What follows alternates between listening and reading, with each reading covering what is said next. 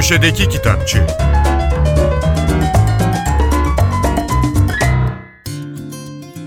Merhaba, ben Adnan Bostancıoğlu.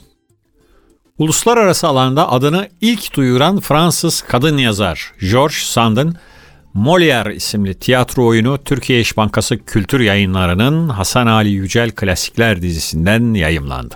Eseri dilimize Berna Günen çevirmiş.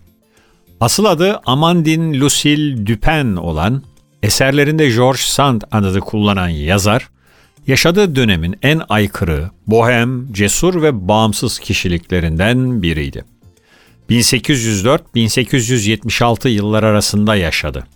George Sand adıyla yayınladığı ilk romanı Indiana, aşk, evlilik ve toplumsal adetler üzerine bir eleştiriydi ve bu romanıyla geniş bir ilginin merkezi oldu.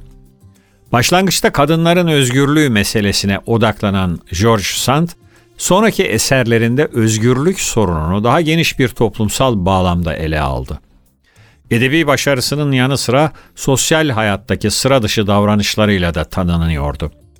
George Sand'ın ilginç yanlarından biri de hayatı boyunca 2000 kişiye mektup yazmış olması ki bu mektuplar 26 cilt halinde yayımlanmış. Türkçe'de yayımlanan eserlerinden bazıları Hayatımın Hikayesi, Köyün İkizleri, Şeytan Gölü, Teresa ve Loran. Yeri gelmişken George Sand'ın meşhur tariflerini açıkladığı bir de yemek kitabı olduğunu söyleyelim. George Sand ilk kez 1851'de sahnelenen bugün bahsettiğimiz Molière isimli oyunda büyük tiyatro ustasının hayatını olaylardan çok duyguların analizine odaklanarak oyunlaştırmış. Her perdesi Molière'in hayatının bir bölümünü konu alan oyun, komedyadan tragediye doğru ağır adımlarla ilerler. Sand'ın büyük insan Molière'e saygısını dile getirdiği bu eser Türkçe'de ilk kez yayımlanıyor. Oyuncu, yönetmen ve senarist Metin Belgin'in 50 yıllık tiyatro yaşamından süzdüğü hatıralarını anlattığı Acıklı Güldürü literatür yayıncılıktan çıktı. 1957 Bursa doğumlu Metin Belgin ilk kez 1971 yılında Bursa Halk Eğitim Merkezi Oda Tiyatrosu'nda sahneye çıktı. Sonrasında 1977'de Ankara Devlet Konservatuarı tiyatro bölümünden mezun oldu ve Bursa Devlet Tiyatrosu kadrosuna katıldı. 1979'dan beri İstanbul Devlet Tiyatrosu'nda oyuncu ve yönetmen olarak çalışıyor Metin Belgin. Aynı zamanda sinema ve televizyonda oyunculuk, sunuculuk, senaristlik ve seslendirme yapıyor. Metin Belge'nin acıklı güldürüde anlattığı hatıralarını okurken modern bir meddaha kulak vermiş gibi hissedeceksiniz.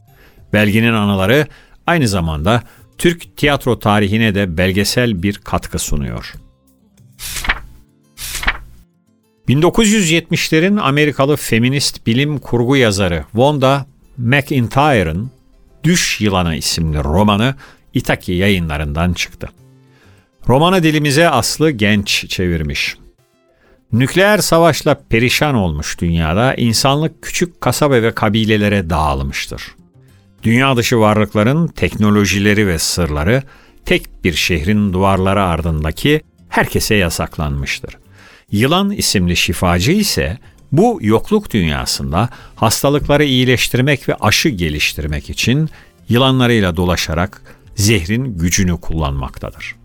Yılan yani şifacı hasta bir göçebe çocuğa yardım ettiği sırada nadir bulunan düş yılanı korkusuna yenilen bir kabile üyesi tarafından öldürülür.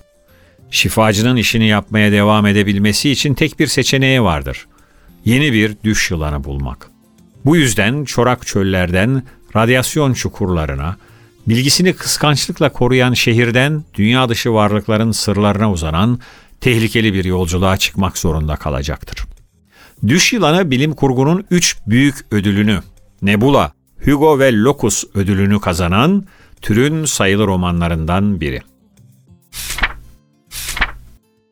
Sırada 12 tanınmamış yazarın bir araya gelerek katkı yaptıkları bir kitap var. Elli'nin Kiri. Bu arada belirteyim tanınmamış yazar ifadesi bana ait değil. Arka kapak yazısında öyle denilmiş. Devam edelim. Zeus kitap evinden çıkan 50'nin kirinde 12 öykü yer alıyor.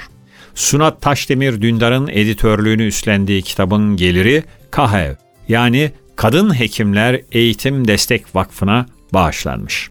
Herkese iyi okumalar, hoşçakalın. Köşedeki Kitapçı